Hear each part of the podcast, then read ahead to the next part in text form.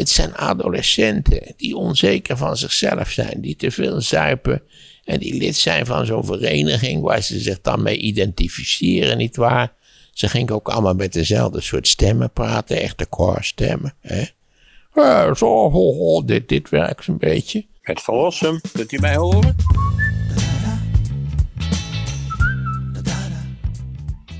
Ik kon me eigenlijk alleen de hoogtepunten van stomzinnigheid, die kon ik me eigenlijk alleen herinneren. Ik ben nooit een voorstander van de groentijd geweest. Maar ja, ik was lid geworden van het Utrecht Studentenkoor en dan had je een groentijd, dus je moest er doorheen of je dat nou lollig vond, ja of nee. Ja. En is het nog gelukt om daar wat nieuwe dingen op te schrijven? Die nog niet Nou, het bekend zijn? nieuw zou ik eigenlijk niet willen gebruiken. Ik heb voorbeelden gegeven van de gekkigheid. Zou jij weten wat, het, wat een bierestafette is? Ja, dat heeft volgens mij in korte tijd zoveel mogelijk bier proberen ja, te precies. drinken. En dat je dan twee rijen van personen hebt en dat Ja, tegen elkaar als het ware. ja. En dat heel handig is dat sommige personen, ik wist dat toen niet, maar ik leerde dat toen, kunnen bier naar binnen gieten zonder te slikken. Noemen ze dat atten? Geen idee. Dat is een heel snel is dat een biertje eh, Het wegtikken. is, hè? gewoon, het is gewoon, gewoon naar binnen gieten. Ja. Dan proef je dus ook geen kloot. Ik begrijp niet wat de charme ervan is, maar bij een bierestafette werkt het natuurlijk hartstikke goed. Nou, dan had je, ehm, had je het, aan het eind werd de groentijd altijd afgesloten met het zogenaamde groene toneel. Dus dan moesten op die, die, die werden opgedeeld in verschillende groepen en die moesten allemaal een lied oefenen, wat voor, speciaal voor deze gelegenheid was eh, gecomponeerd. En dat werd dan in een zaaltje hier in Utrecht, eh, moesten al die groepen op. En dat was de avond van het Groene Toneel. Ik heb toen opgetreden met een lied waarvan ik de inhoud vol compleet ben vergeten. Maar wij moesten optreden in dames zwempak. En, en daarbij moesten wij dan obscene gebaren maken. Je kunt je er wel iets bij voorstellen. hè. Tegenover een zaal natuurlijk met straalbezopen ouderejaarsstudenten. Dus ja, het is eigenlijk allemaal heel vernederend en stomzinnig. Maar terwijl ik het op zat te schrijven, kon ik ook weer niet laten om er toch over te grinniken over deze ongelooflijke flauwe poppenkast. En waarom heb je dat destijds wel aan meegedaan? Nou ja, dat, dat ik lid zou worden van het Utrecht Studentenkoor lag voor de hand, omdat al mijn familieleden koorlid waren geweest eh, in de tijd dat zij studeerden. En, en ja, je weet hoe, dat, hoe ex-koorleden daarover denken.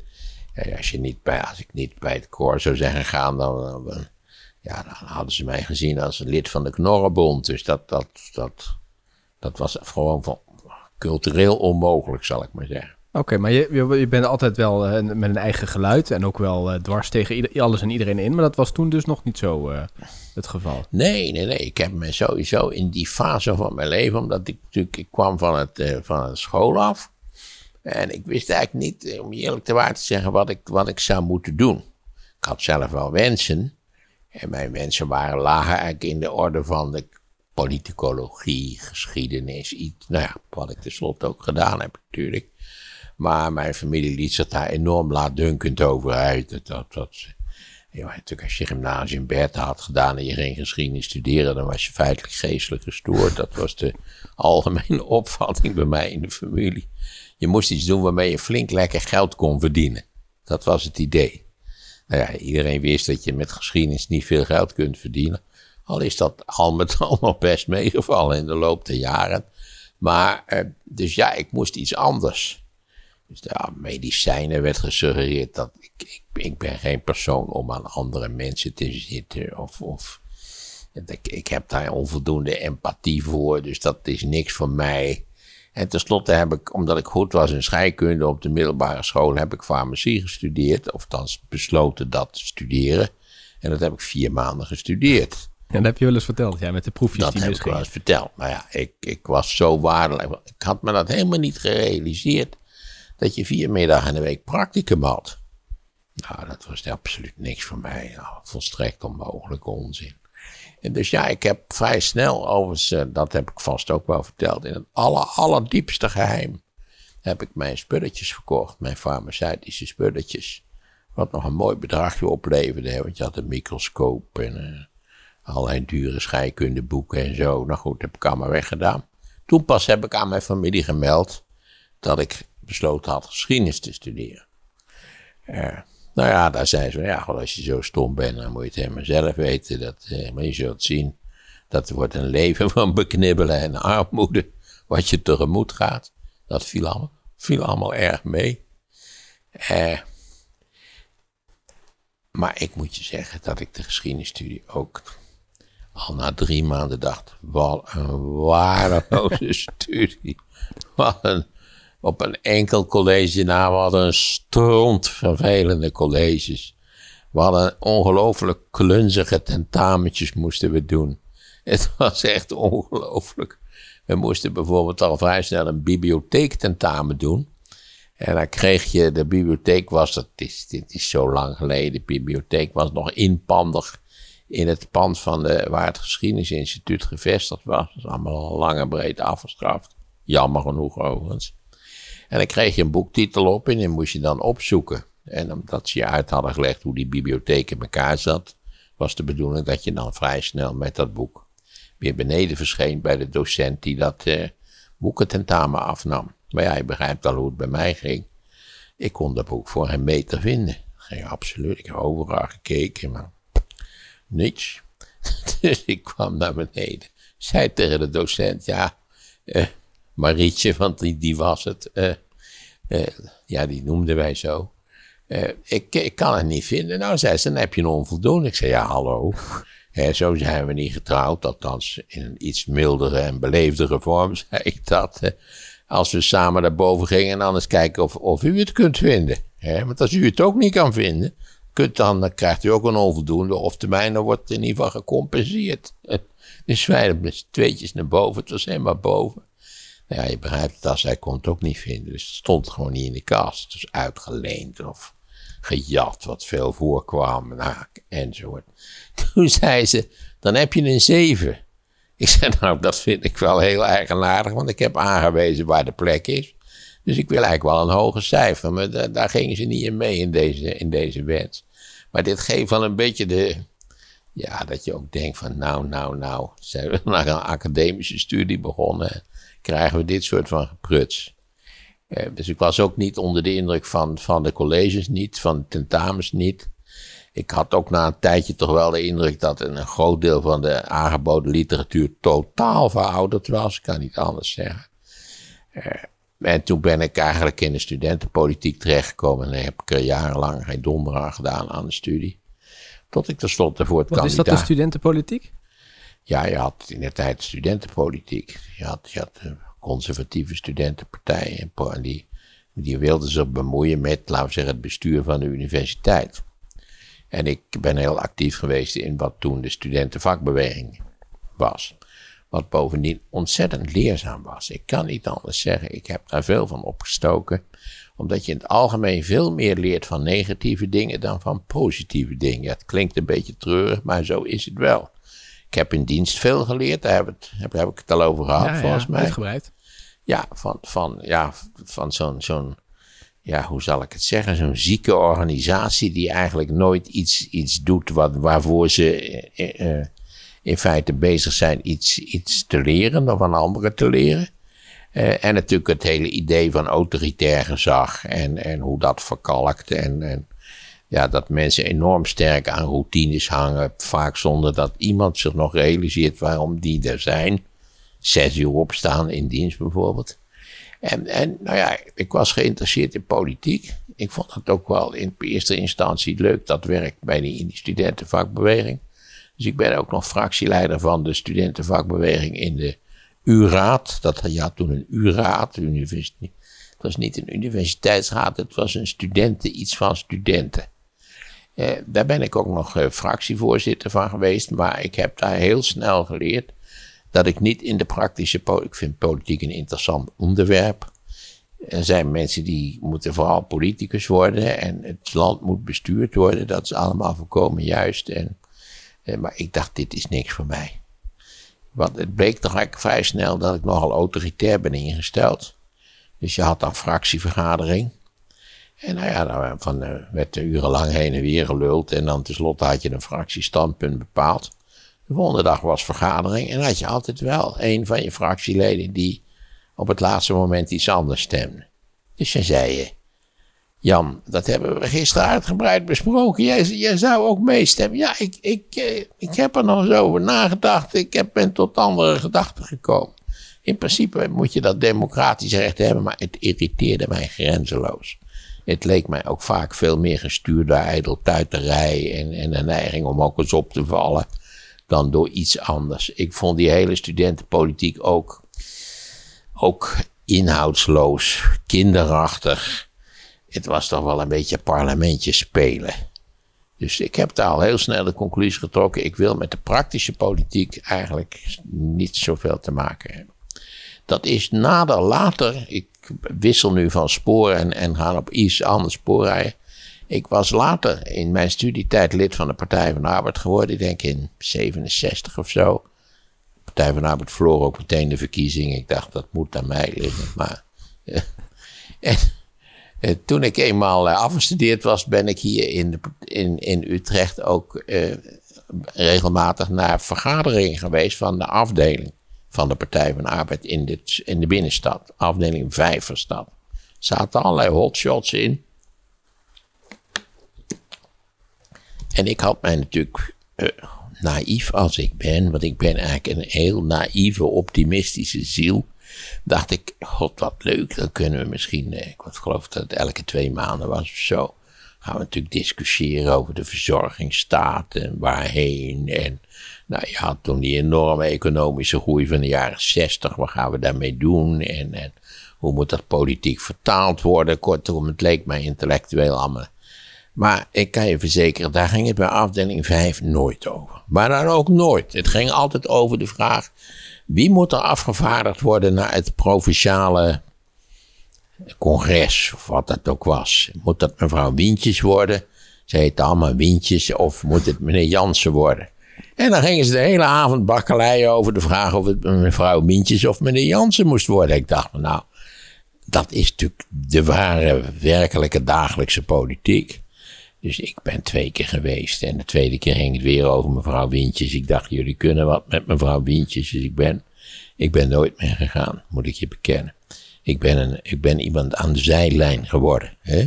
Wat je bij het voetballen ook hebt. Er staan altijd van die mannen langs de zijlijn. Vroeger met een sigaartje.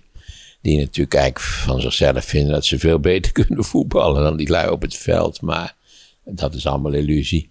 Dus ik, ja, mijn, mijn praktische ervaringen waren zodanig dat ik dacht, ik wil echt niets met de praktische politiek te maken hebben. Ik heb daar geen ik wil daar graag over discussiëren. Ik vind het inhoudelijk allemaal heel interessant. Maar dit, dit, dit is het niet. Ik moet er nog één enkele ervaring aan toevoegen. Dat ik, eh, eh, Joop den Uyl was in die jaren natuurlijk de grote man van de Partij van de Arbeid. Dus ik had besloten naar een uh, vergadering te gaan in het NV-huis.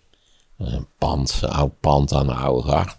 Waar hij zou spreken die avond. Nou ja, ik daar naartoe.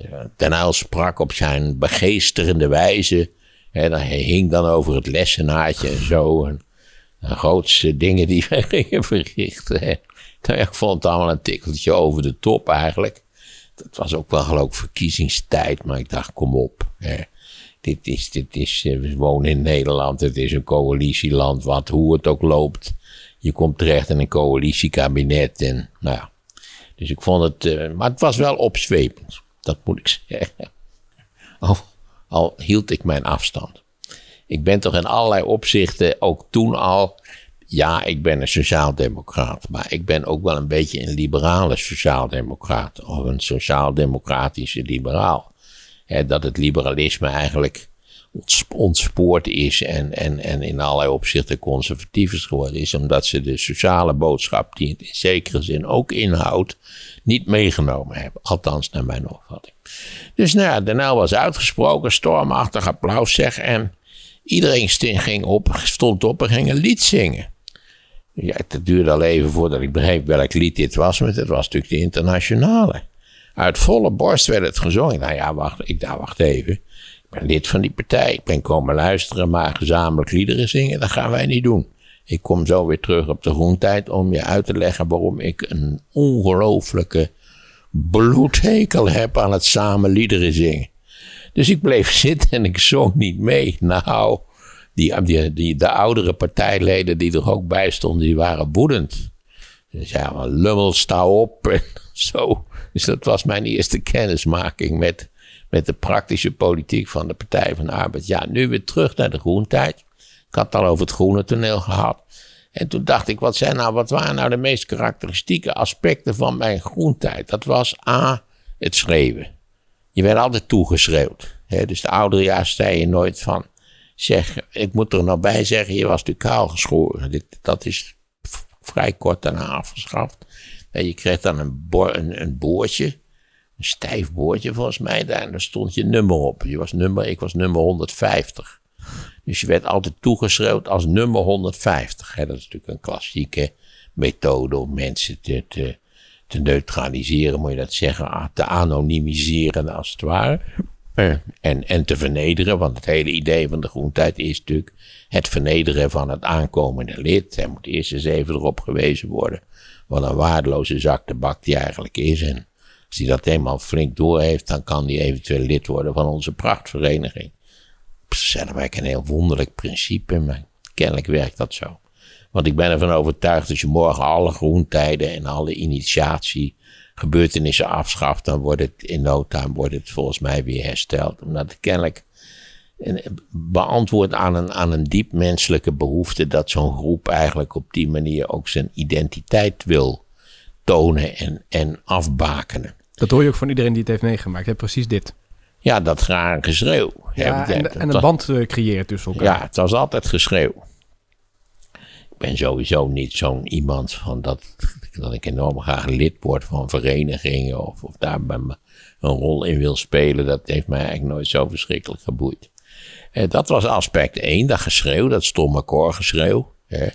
het probleem is natuurlijk dat de mensen die het beste kunnen schreeuwen, die, ja, die spelen daar een hoofdrol in dit soort van processen.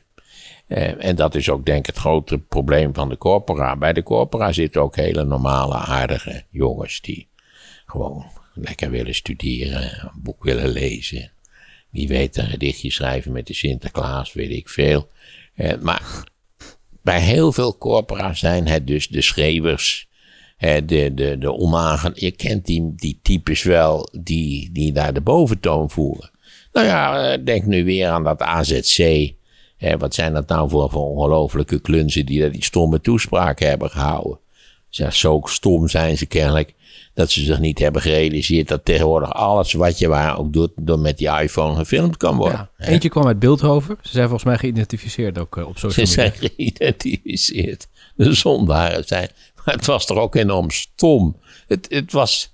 dat, dat, dat, dacht ik ook bij toen ik aan. Eh, terwijl ik dat stukje zat schrijven. Wat een kinderachtig gedoe het eigenlijk was. Het was zo kinderachtig.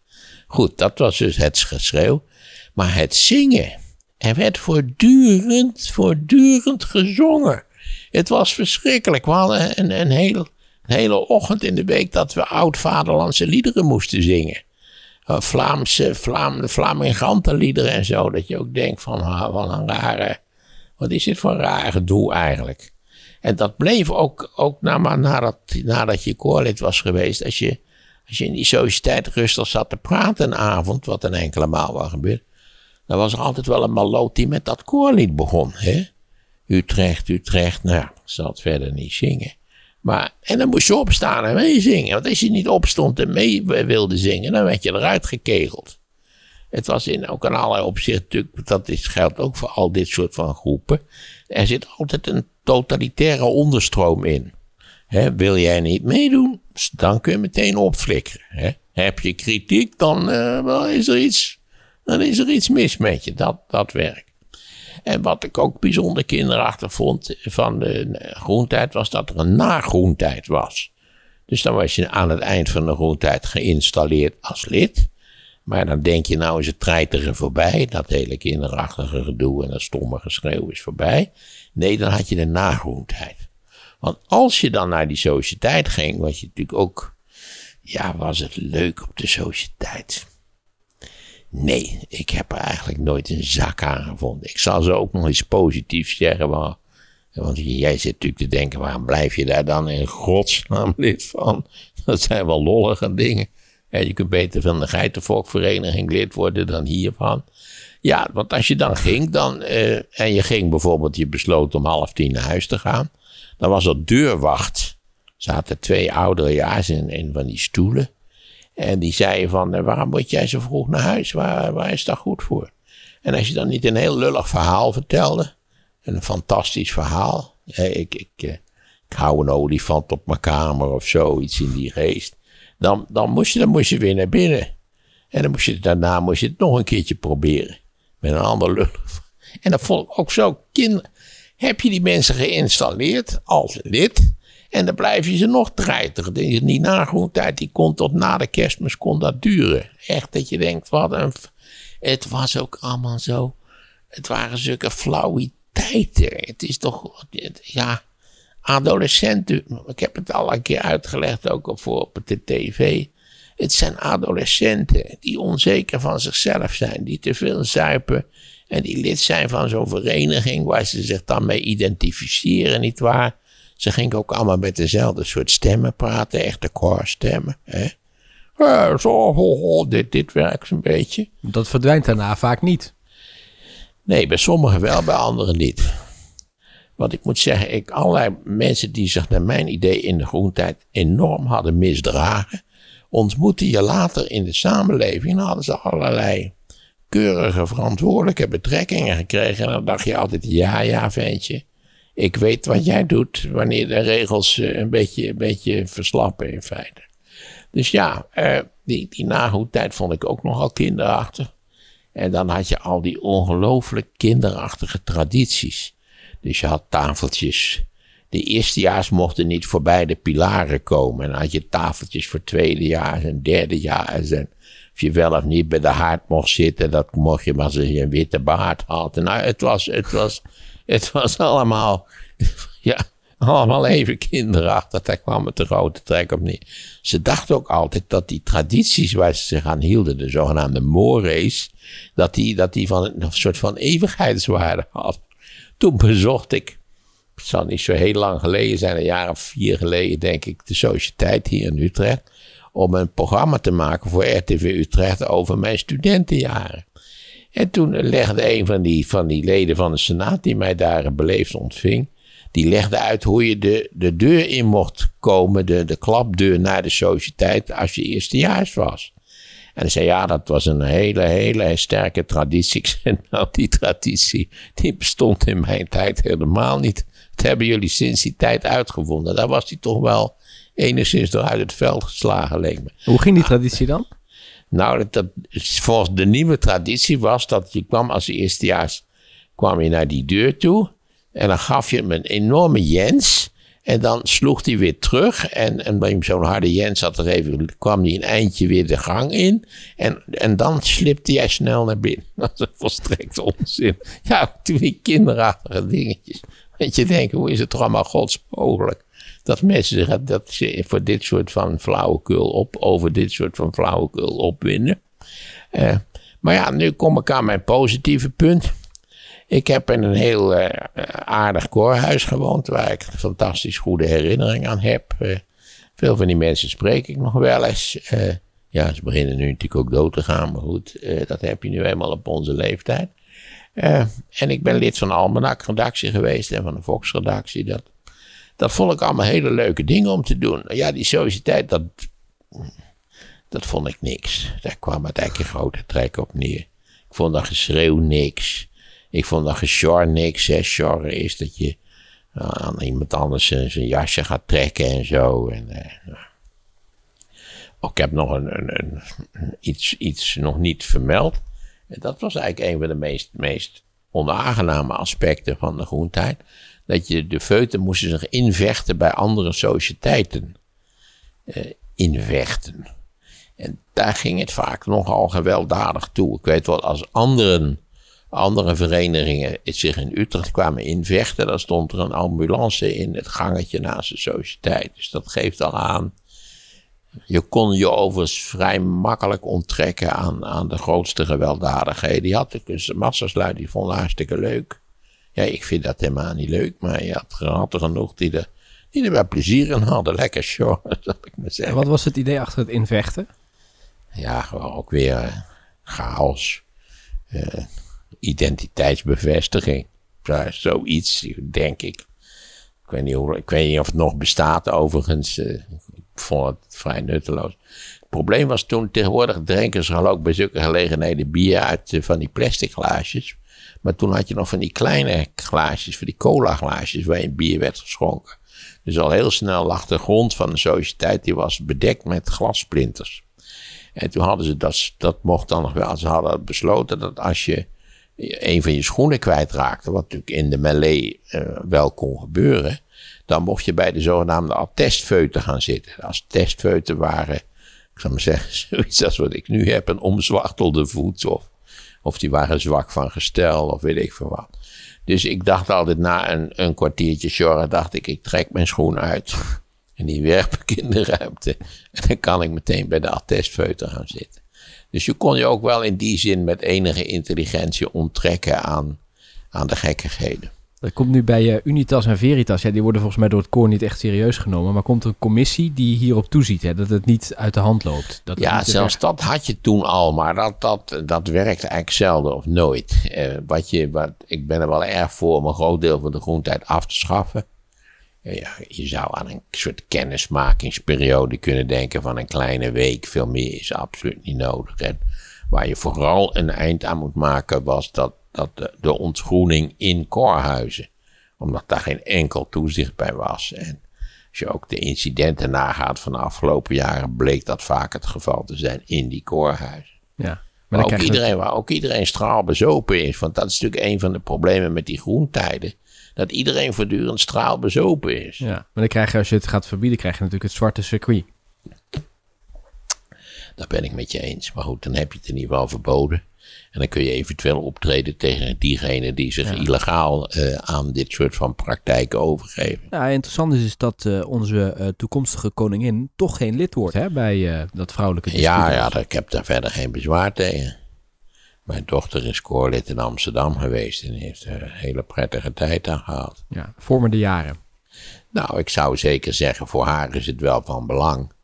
Ja, dat je, dat je niet geïsoleerd in dat, in, dat, in dat huis gaat zitten, wat volgens mij voor haar ontruimd moest worden. Ja, en in de kelder kwam een hele beveiligingsunit. Nou ja, dat is allemaal eh, treurig genoeg, allemaal noodzakelijk.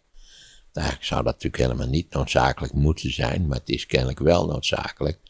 En ik gun haar op zichzelf een aangename studietijd. Ja, ik, heb, ik heb de staf gebroken over haar studiekeuze, maar, eh, en dat, eh, daar ben ik het nog steeds grondig mee eens. Ik zou er nog steeds willen oproepen, joh, doe nou een echte studie. Hè. Maak er wat van. Doe één studie. Doe niet, niet van die rare mixstudies. Waar je in feite uiteindelijk helemaal geen bal leert. Um, maar ik vond mijn eigen student, zodra ik met die farmacie was opgehouden. En eigenlijk, ja, het was vrijheid, blijheid. Dan na zes jaar gevangenis op de middelbare school.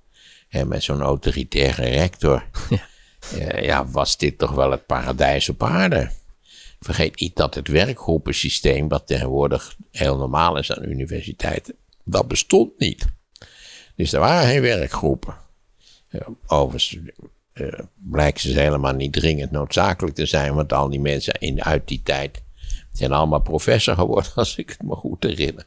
Uh, die, die werkgroepen zijn natuurlijk ingesteld om wat meer discussie, de studenten bij de les te houden. Of ze dat effect ook hebben, acht ik zeer twijfelachtig. Maar goed, wij hadden geen werkgroepen. Dus het enige wat je te doen stond in de loop van de week was na een stuk of drie, vier hoorcolleges gaan. Waarvan toch zeker drie kwart werkelijk onbeschrijfelijk vervelend waren. Anders kan ik het niet zeggen.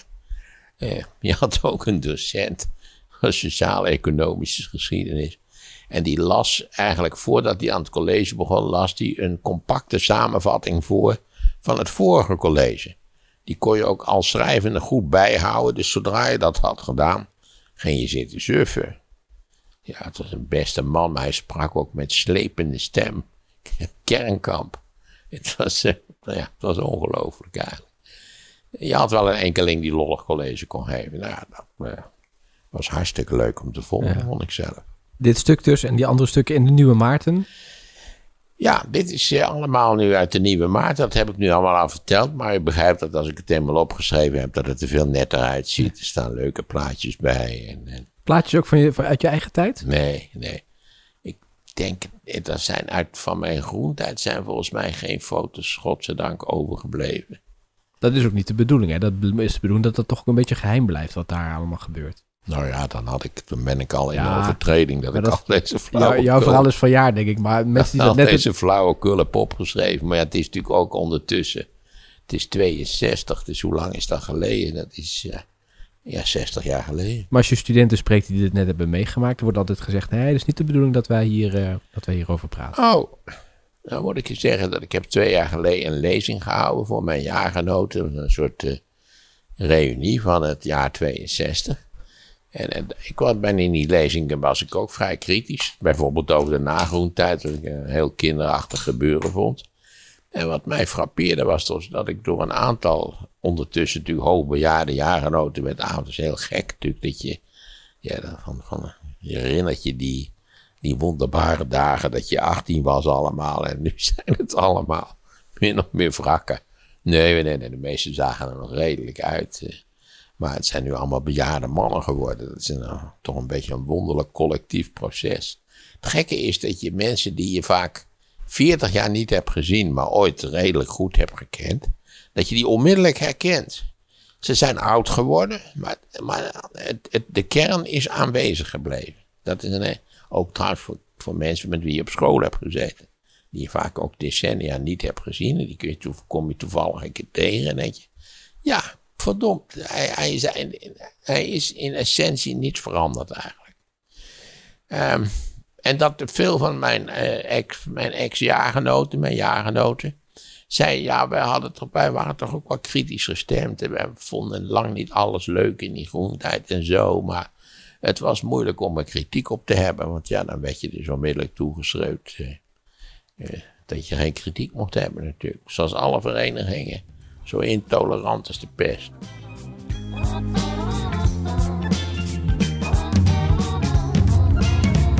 Je zei allemaal, lummel, sta op. zo.